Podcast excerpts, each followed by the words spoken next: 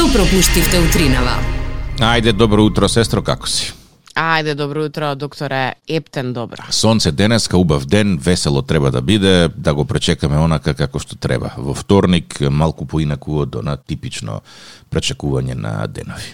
Да, и се надевам дека ќе ви се допадне, заради тоа што денес во поинаков вторник слушаме ексју хитови, кои што имаат за тенденција да ве расположат и да ве подготват за тековниот ден кој што следи, сите уврски кои што треба да бидат завршени и се разбира да ви спратиме на работа со насмевка како што заслужувате. Без многу развлекување, одиме. Добро утро. Одиме. Добро утро. Јас со огромна дилема утринава. М, што те замисли толку многу? Вчера се јавува еден пријател, ајде брат да одиме на кафе, ајде брат, викам ќе одиме на кафе, одиме, седнуваме на кафе, гледам човекот, си стел тетоважа. Еј, шубаво. Не, ма, убаво. Добро, зашто? Што што истетовирал, што? Што? Името на сопругата. О, така значајно видно? Па, значајно видно. Да, релативно значајно видно. Значи, разбирам да е негде, негде на, на зглоб, на надлактица, на некој дел од тело кој што е покриен со облека, па и да не се гледа, ама да, на, на видно место. И викам, зошто? Абе, брат, знаеш, вака, онака, многу ја сакам, вака, онака. Добро, викам, твој избор. Да нема нешто сгрешено. Ја викам, памтам еден куп луѓе што има истетовирано јена на себе, па после тоа ги кријат татоважите од од петни жили. Да не биде после да криете тоа важето од идната жена, не знам. Нека моли Бога барем да се совпаѓаат буквите. Добро, ти не би се Јана, топирал... втор- следната треба или да биде, ако првата била Ана, следната мора Јана да биде. Па, дефинитивно. Како се викаш Елена? Ау, ништо не правиме. Ама многу те сакам джабе, ме сакаш, ништо не правиме. Не можам да шкртам па доле од поново, плюс многу материјал ќе оди многу фира.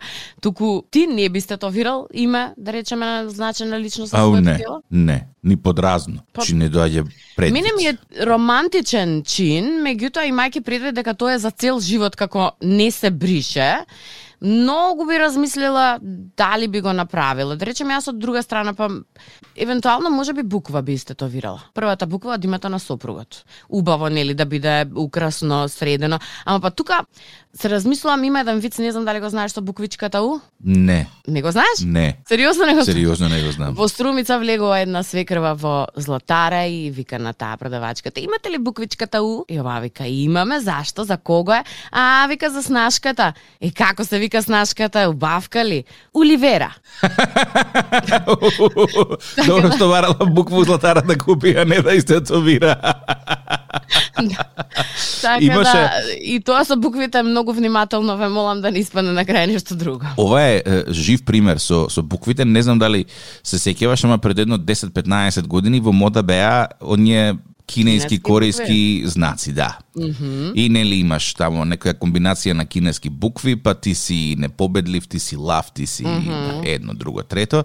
И е, еден ова жива вистина мој познат е, од Америка со таква тетоважа на на раката тука, значи на подлактица, е, гордо ја ја носи и оди во во кинески кварт во Чикаго.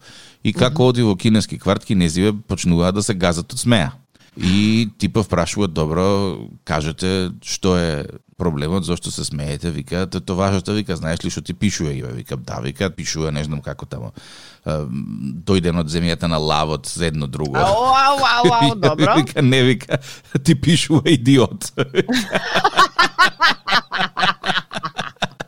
Добро, кој му го направил Па тоа? некој некој тату артист кој што нема благе везе со со кинеска со кинески букви и знаци, него се извадил типот рандом комбинации што ги видел на интернет и доле ставил опис што е и како е и на овој му се погодило идиот да му пишува.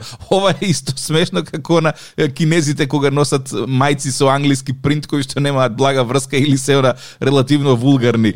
Па, па се чудиш зошто е така и ова. Така да Или бабички со, со мајчка нешто е, надписи што не се за на радио, ама имам такви сретнато многу. Онака многу горда ја носи, веројатно внукот или внукот и ги има оставено во наследство, ама не знае бабичка што пишува на англиски се разбира и си ја носи на пазар и ти ја гледаш и онака ти е јасно дека некој внук ја има оставено. Не е баш најсоодветно за бабата. гордо ја носи затоа што ја веројатно пријат од некој материјал, меѓутоа не е многу обрнува внимание на тоа што пишува. Така што ова со кинескиве букви а, исто многу го имам размислувано од проста причина што друга работа е што откако ќе се тетовираш, секој кој што ќе те праша што ти значи да речеме Треба да објаснуваш. можеш не, ама и можеш различно да си објасниш. Не можеш да му кажеш ова е љубов. На друг можеш да му кажеш ова е среќа. На трет можеш да му кажеш ова е името на, не знам, ете на мојот сопруг. Ме разбираш, сакам да ти кажам дека можеш да си играш со значењето на зборот, заради тоа што реално и, и искрено нема ни ти да знаеш што ти пишува на телото, така што многу внимателно, а исто тетоважи кои што на времето многу ми се допаѓа, а сега некако како поминува време, сваќам дека многу сум грешила во во а, тоа што ми се допаѓа, што не ми се допаѓа, тоа е баркод на себе си. Е, едно време имав таква идеја да си ставам баркод на врата, ама добро што не го направив тоа. По принцип, кога ќе земам ретроспективно да гледам сите идеи за, за тетовирање ми биле глупички. Па искрено да ти кажам, јас имам две и сметам дека одличен избор направив со двете, ни дека ќе бидат во мода уште за 50 години.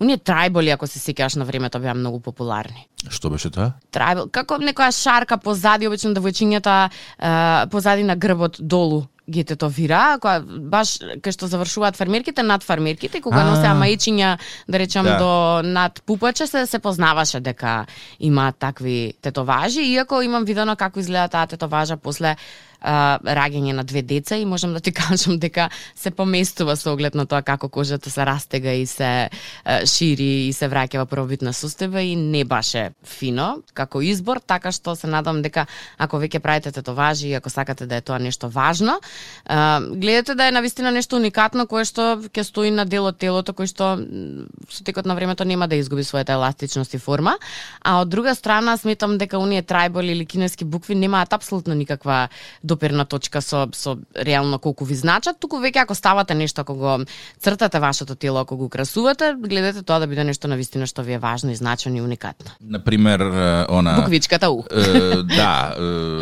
името на вашата политичка партија, на вашиот омилен политички лидер или Бројна нешто членска слично. книжка. читајки синоќа во ни едно време интересни работи, налетав на една е, теорија на бихевиоризам, на Скинер.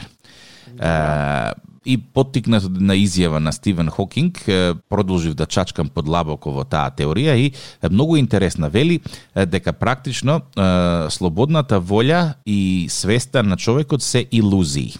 Е, се она што се случува и, и што правиме е хемиска реакција во нашиот мозок, а посилните хемиски реакции се оние одлуки кои што ги правиме. Што до некаде и објаснува зошто луѓето која ќе се е, начукаат се однесуваат поинаку или после некоја е, тешка повреда на главата значително се менуваат самите луѓе и начинот на кој што носат е, одлуки. И почнав да си размислам, викам ова до некаде и држи вода, Зорке. Имаш допамин, имаш серотонин, имаш хормон на среќа, хормон на тага, хормон на ова, хормон на она. Замисли на вистина ти не логички да размислуваш, туку сите твои одлуки да бидат базирани на балансот на хормони во твоето тело. Па мислиш дека не е? И ве земи за пример жена која што е во ПМС. Како се однесува? Добро, Дај вие- ми чоколадо. Не диши толку е, длабоко. Многу гласно дишиш. Многу ми трепкаш денес. Вие- И жена во нормален, да речеме, ама тоа не сака некој да го прави. Се јас може би на шала на смишка го кажам, ама тоа од натре ти доаѓа. Јас имам денови кога сум неподнослива и им кажам овде на колегите, бегајте, денес сум лав. Значи бегајте. Значи се ми смета, ми смета како дишите. И тоа е резултат на хормоните кои што ти се лачат со телото, некоја Да, ама различна- дали ти дали ти правиш животни одлуки врз база на Некои денови може и да треба да правиш животни одлуки. Ако се испокараш со партнерот, тоа не ли е животна одлука која што си ја донел? Да, ама Во таква ситуација ти може за Еве, дена добро. да се кажеш. Друго прашање, ти го оправдуваш, односно го користиш ПМС-то како оправдување, а ние мажите не што да можеш користиме? да го користиш како оправдување, не го користиш за ништо, не ти користи, ти штети, ама мораш да се помириш со судбината дека тоа така функционира, односно дека женското тело така функционира и тераш Ама еве, а, а кај нас мажите? И па затоа вие имате ПДС. пивце. Вие затоа имате пивце, имате винце, имате се што е на цев со витамин С. Аха, па кај нас тоа Мезенце, влијае на да. на Па тоа влијае, па на, тоа не, влијае. на, на, на промена на на размислување, да? Па ја мислам дека да, многу сакам јас кога го пуштав на времето, кога го пуштав, кога одеше сопругот многу почесто на е, Витаминизирање? дружби и кога ќе се вратеше, ја многу го сакав во тие денови. Многу. Имате, ама различно функционира тоа со витамин С и различно функционира тој ПМС кај жените затоа што различни хормони разбудува. Па да, очигледно дека е до до тоа.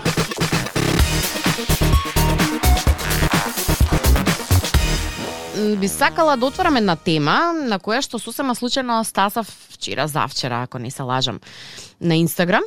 Има еден профил кој што прикажува податоци, односно мапи собрани од истражувања, разноразни истражувања, европски истражувања, светски истражувања и едно кое што мене баш буквално ми влезе во око се однесува на тоа колку на кога е прашање цела Европа покажале луѓето дека се гневни, односно дека се чувствувале гневни во текот на изминатите денови и можам да ти кажам дека добро котираме.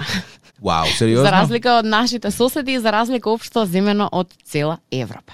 На мапата на место број 1, луѓе кои што чувствуваат најмногу гнев, односно чувствувале најмногу гнев во текот на изминатите 24 часа од кога е спроведена анкетата, биле луѓето од Турција, а веднаш за Турција Турците се лутат? Да, се лутат. Па како лутковци се се е, класифицирани овде во нова па, мапа знам. според. Па добро со оглед на тоа што им се случуваше изминатиот период, јас верувам дека имаат и зашто да се лутат во смисла на земјотресите кои што им се случува и така натаму и така натаму. А, ние сме веднаш позади нив, што не знам дали да ме чуди или да не ме чуди. Па, Искрено, така така сум.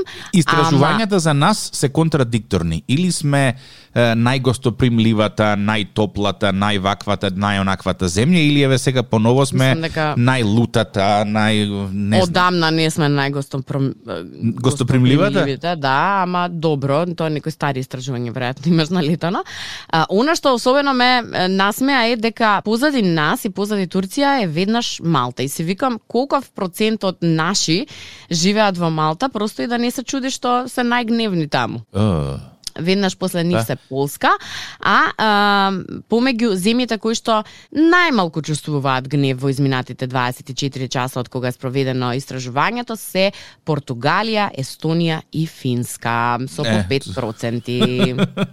Сега ми е јасно зошто ти таму Ти- ти- живееш и какви ти се е, моабетите рано посабајле, за разлика од моите моабети рано посабајле, односно е, со какво расположение ни се придружуваш во секоја утренска програма. Видиш, ти тие 5% се дури јас бар тешко ги ги заприметувам. Значи, Толку се зен луѓето таму, толку реално се толку зен, се зен. Реално да. Значи апсолутно ништо не може да те Ствари, извади за, од кота. зашто да те, те зашто да се нервираш? Застануваш на пешачки, културно возачот на возилото кое што го управува си застанува.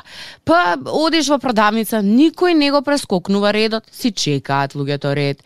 Нема да превртување со очи издувување на тоа што некој пред тебе е малку поспор или побрз.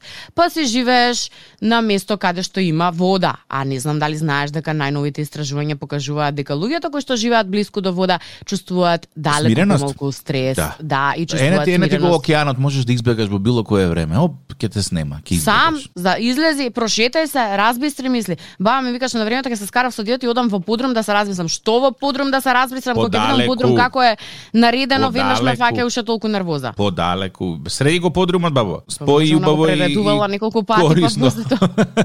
па не. Затоа ли подрумите во, во старо време биле како аптеки? Скарај се симни се во подрум пререди. Скарај се симни се во подрум пререди. Така после влегаш во подрум по алфабетно, онака, разбираш? Да, мали Ајвар, шишиња, ајвар, големи ајвар, па шишиња, вакво Да. сладко, онакво стакло. Така е, Зорке. Ај денеска да и те на видам ти. стаклото, да, и на стаклото на лепница. Сок од дренки. Година на 92. производство. Да, е, да, така, да, тоа да, беше да. многу битно. Никако не ја заборава и годината на производство на на теглат.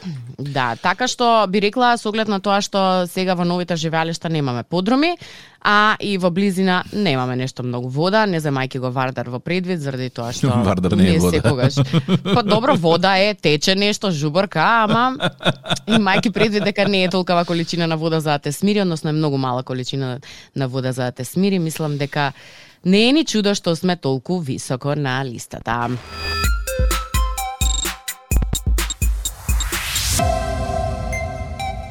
После долго време на линија и познат глас. Добро утро. А, добро утро, Тик-так, добро утро, Зорка и сите слушатели на Македонско радио, радио 2. Златко, Добро утро. Кекел. Добро утро. Долго време се немаме чуено. Па, слушај, по прските ме навјата, реколта пати и така, почнува откупот, нели? Да. Какви се принесите на, на раноградинарските продукти оваа година? Не, актуелно е, затоа релам, немам, немам допирни точки, што се ми е мене нешто да видам ова. Слушај, чекај малку се. Што ли ова со, со во Ексиу? А, нешто ново вие, пошто имам испуштено нешто? А, не ни е ново, ново ние откако не е почна новата сезона, значи правиме поинаков вторник. Значи секој вторник пуштаме поинаква музика, а народецов бара XU најчесто, така да секој трет вторник ни доаѓа XU вторник. Аха, кога ќе имате турбо, мурбо овие фолк? А, нема турбо мурба фолк. Нема? Нема, мада види, добра идејата. Ете, може да кажеме тамо на менеджментот да дадеме предлог дека по Е, барање на слушателите и турбо фолк. Наш месецот ќе с големите број на слушатели и следачи предпоставам. Што мислиш дека подобро ќе ќе котира бугарскиот или српскиот? Бе, нашиот овој шо е баш нашиот. Има и наш турбо фолк. Македонски, промоција на македонски автори, нели? Турбо фолк. Има, јас, мене ми, ми испратиле неколку, мислам ги имам издржано 5-6 секунди на YouTube да ги видам, али имало наша сцена, па ај да видиме кој, кој, кој ги издржи поќе. А. Пробајте.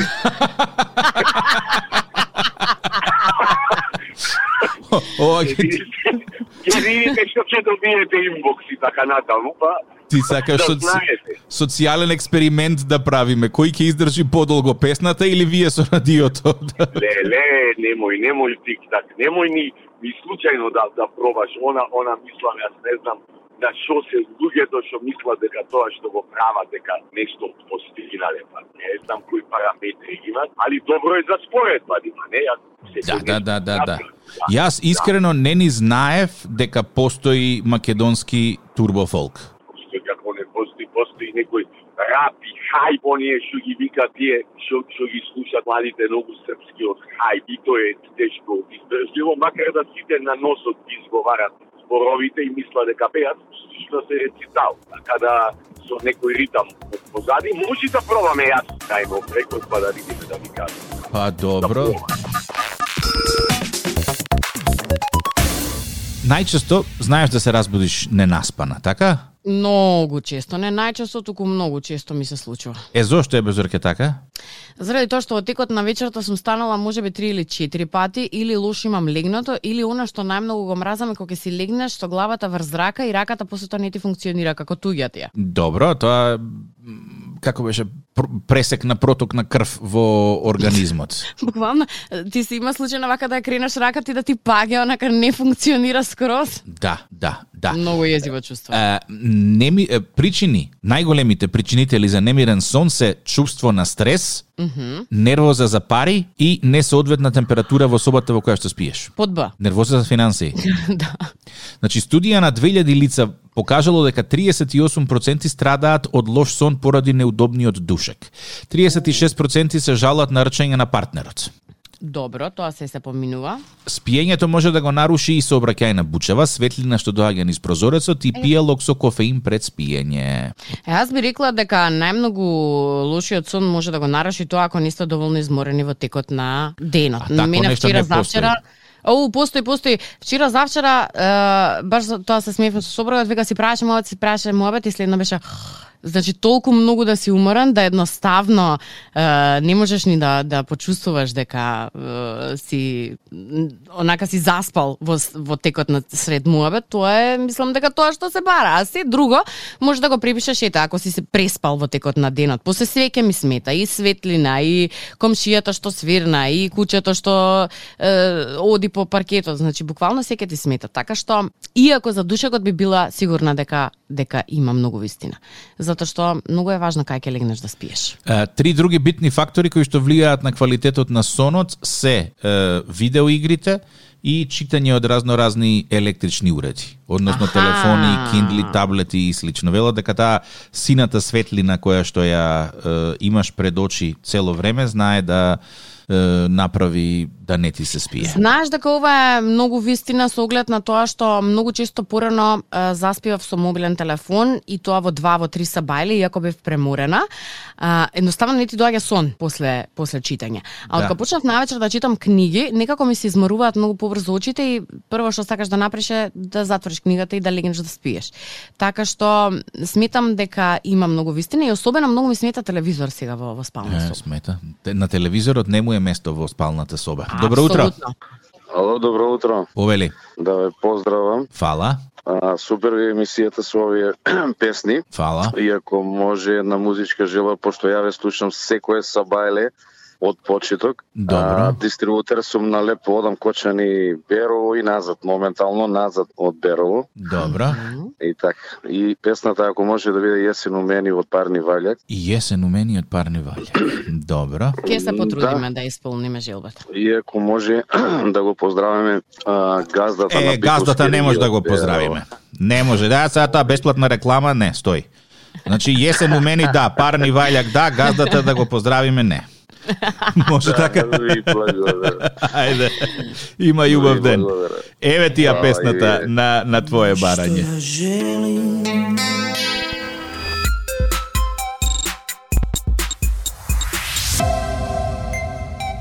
Шокантна вест за тебе имам. Ама навистина ќе се шокирав затоа што имајќи предвид дека голем дел од времето не знаеме што е тоа што го јадеме, ова следно во уште повеќе ќе те натера да се подзамислиш. Постои една прехрамбена тех, технолошка компанија, Primeville Foods, која што планира да лансира цела палета на екзотични места кои што не потукнуваат од животни, туку се одгледани во лабораторија. Тука спаѓаат хамбургери од лав, нагетси од тигар и шунка од жирафа. Шунка од жирафа. Да, Шунка од жирафа. Да. Значи, оваа компанија планира да продава екзотично месо, меѓутоа без да повреди ниту едно животно, туку месото да го одгледува во лабораторија. Како се они сигурни дека тоа е многу безбедно за јадење? Е, види, е, постојат некои теории на заговор дека и тоа говецко што денеска го јадеме како говецко не е баш говецко, посебно на меленото или пасираното, така да ќе сигурно си постои некој технолошки процес за производство на ова. Меѓутоа, ајде запраши се каков вкус има лавот. Ти не знаеш каков вкус има лавот, затоа што никогаш не си пробал лав, така? Па лавот може да има вкуси на рибешко, кој би знаел? Исто како што јас тврдам дека крокодилот има вкус на малку пожилаво пилешко. Не само и крокодилот и, и гуштерот има таков вкус. Да, да. Има една теорија, вели ако не знаеш каков вкус има, кажи дека има вкус на пилешко. Пилешкото е универзалниот вкус. И Не, сега, искрено, каков вкус има жирафа? па според Не дека ми е нешто познато па да знам. Мм, баш ми е, ми е вкусна оваа жирафа. Како Денеска. жирафава, супер. Што ти е бенчмарк за споредба? Па не знам никогаш у живот не сум пробал жирафа како така. Ама као се сефте добра е. Одиш на друго место, од друга фирма купуваш жирафа, нема благе везе жирафа да исто како оние мастиките со вкус на блубеница да кажеме. И кога си правиш муабет помеѓу колеги, леле, чварките од жирафа, човече. Леле, ја едни чварки од жирафа, што Не сум, можеш. мислам, дај.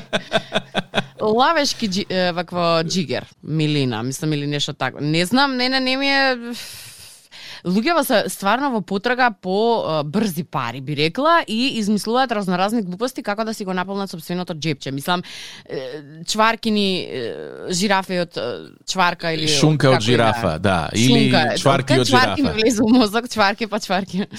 Пача од лав. Бургер од лав, мислам, не.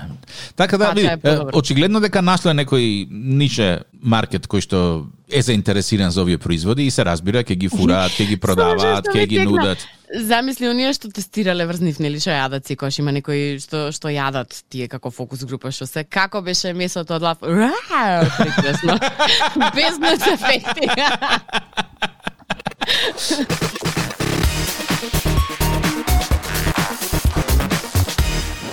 Време е за гатанките. Време. Дали си спремна? Па не сум, ама што да ти правам. Слушај внимателно, Зорке, многу е лесна. Многу е лесна. Падна толе в море, ни море се заниша, ни толе се удави. Што е толе? Како, како, како? Падна толе в море, Ни море се заниша, ни толе се удави. Што е толе? топка, М, Блиску, брод, м, далеку. на топка близко, мускули, гума. Види се, значи де факто еве како стојат работите. Сите овие работи што ти ги наведе како такви, може да бидат точен одговор. Е, Добро. Меѓутоа, според тоа што овдека пишува дека е точен одговор, не е точен одговор. Иако... Лист. Лист, Зорке, да, лист е точниот одговор, иако јас бев, спремен и топка да го прифатам како, како тако. А он демек да го прифата. Демек со желудачки многу беше близко. Не, не, не, не, не, не. далеку од тоа дека е со желудачки, меѓутоа топка исто така е точен одговор. Да, ја мислам така.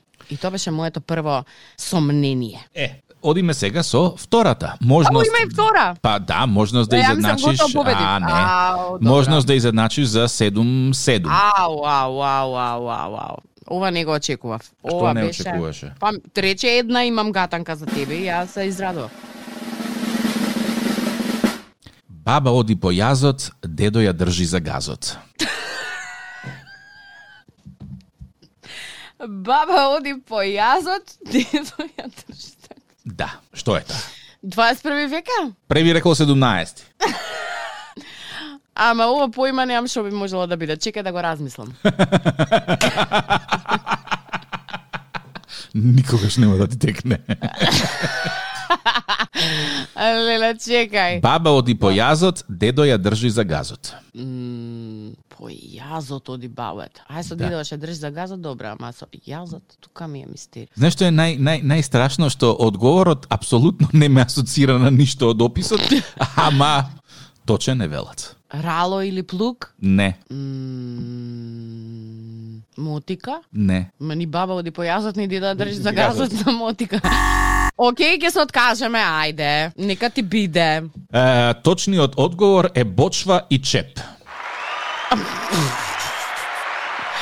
Како бочвата оди по јазот, а како чепот дедо ја држи за газот? Не знам, како што ти реков, одговорот воопшто не соодветствува со прашањето, меѓутоа тука пишува дека тоа е точниот одговор, така да Ама така, ако си имаме, па јас сутре имам за тебе неколку кои што ќе се чудиш ќе се чешкаш кај Е, жените. извини, ама она за, за, за тале ја погоди, така да те молам, Зорке. Ја, плюс Ама ти реков дека ова е 17 Слушај век. да ти кажам, таа за тале беше добра. Добро, еве, ако сакаш така, нека биде по твое 7-7.